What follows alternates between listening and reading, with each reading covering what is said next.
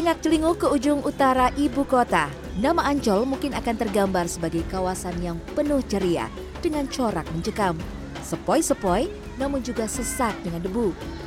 Sudut kota kali ini akan membahas soal Ancol dari rasanya yang asin hingga manis dengan nuansa hore hingga horor. Kalau berbicara soal pantai di Jakarta, pikiran warga ibu kota pasti akan langsung otomatis melayang ke kawasan ini. Bukan hanya karena wahana hiburan yang sudah berdiri sejak 1966, namun tempat ini seakan seperti sudah mantap di hati warga Jakarta, bahkan luar Jakarta jika akan berlibur atau hanya sekedar duduk menikmati sepoinya angin laut. Mundur sedikit ke belakang, tempat yang dulunya rawa ini rupanya sudah menjadi tujuan berlibur pada abad ke-18 dengan didirikannya villa-villa untuk para menir Belanda sebelum dijadikan markas perang.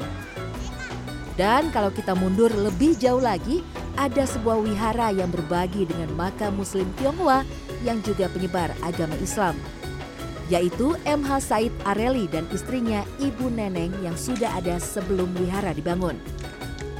Sebelum kita tahu Ancol seperti sekarang seperti pusat rekreasi di zaman uh, Belanda gitu ya zaman VOC tepatnya abad ke-18 itu uh, para pembesar gitu ya para uh, tuan-tuan VOC gitu ya pertama gubernur jenderal itu membangun villa di daerah Ancol yang pertama Said ini kan beliau ini kan punya putri ya yang bernama Ibu Situwati karena putrinya itu menikah dengan ulama yang dari Cina, dari Tiongkok, akhirnya kan makamnya juga dimakamkan di sini juga ya, menantunya dan anaknya. Karena menantunya itu orang dari Tiongkok sana, orang dari Cina sana, akhirnya kan sekarang ini banyak orang Chinese yang untuk berkunjung ke sini, akhirnya dari pengunjung itu untuk mengusulkan dibangun kelenteng. Di Kelurahan Ancol juga terdapat sejumlah permukiman warga yang seolah tersembunyi di balik megahnya Taman Hiburan Ancol. Salah satunya permukiman di Jalan Lodan RW 8. Di gang sempit inilah nampak interaksi warga termasuk anak-anak yang terlihat rukun. Salah satu warga Amiruddin mengaku menjadi saksi pembangunan Ancol selama 55 tahun dari masih lengang hingga kini dipenuhi bangunan bertingkat. Pria yang sehari-hari berprofesi sebagai nelayan ini merasakan manis pahitnya selama menetap di tempat yang ia sebut kampung ini. Sekitar tahun 1968. Di sini tuh kekeluarganya erat sekali. Jadi setiap kita ada uh, suatu musibah atau apa, itu cepat sekali masyarakatnya saling bahu membahu untuk saling membantu. Gotong royongnya Gotong kuat. royongnya gitu ya? kuat. Rasa kekeluargaannya tinggi. Belakangan ini banjir rob. Nah, itu dukanya. Ketika sudah banjir rob, air sudah tidak tertampung lagi ya. Ya Jakarta yang lain tidak kebanjiran, kita sendiri yang kebanjiran di sini. Selain banjir rob sebagai wilayah yang dikelilingi kawasan industri, kondisi jalan raya dengan lalu lalang truk besar juga menjadi kendala bagi warga sekitar. Tak jarang gang permukiman dijadikan jalan pintas oleh pengendara motor. Hal ini tak hanya mengganggu kenyamanan, tapi juga mengancam keselamatan. Selain itu, Ancol juga memiliki sisi mistis, yaitu legenda si manis jembatan Ancol. Cerita seorang kembang desa bernama Siti Arya atau Mariam yang dibunuh dan dibuang di jembatan. Bahkan cerita ini sempat dijadikan sinetron horor yang cukup populer pada tahun 90-an. Mas Anis pernah dengar si manis jembatan Ancol nggak sih?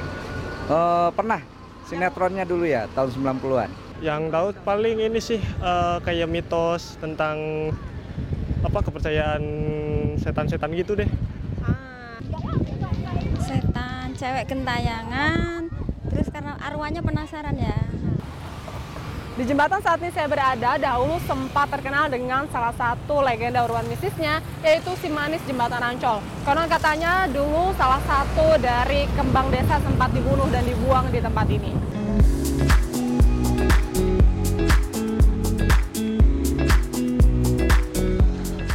Terletak di pesisir Jakarta, Ancol tentunya juga memiliki kuliner yang khas yakni seafood. Beberapa warung menjual berbagai hidangan laut secara kiloan seperti ikan, kerang, cumi, dan juga udang. Di sini kita bebas memilih sendiri seafood mana yang akan dimasak. Saya memilih beberapa menu favorit yaitu ikan kerapu bakar bumbu rica-rica, kerang darah saus padang, dan kerang bulu lada hitam.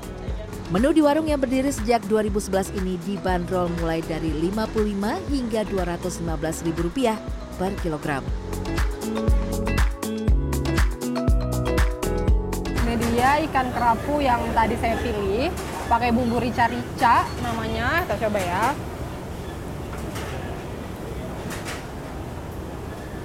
Hmm. Rasanya seger banget, nggak ada rasa amisnya sama sekali.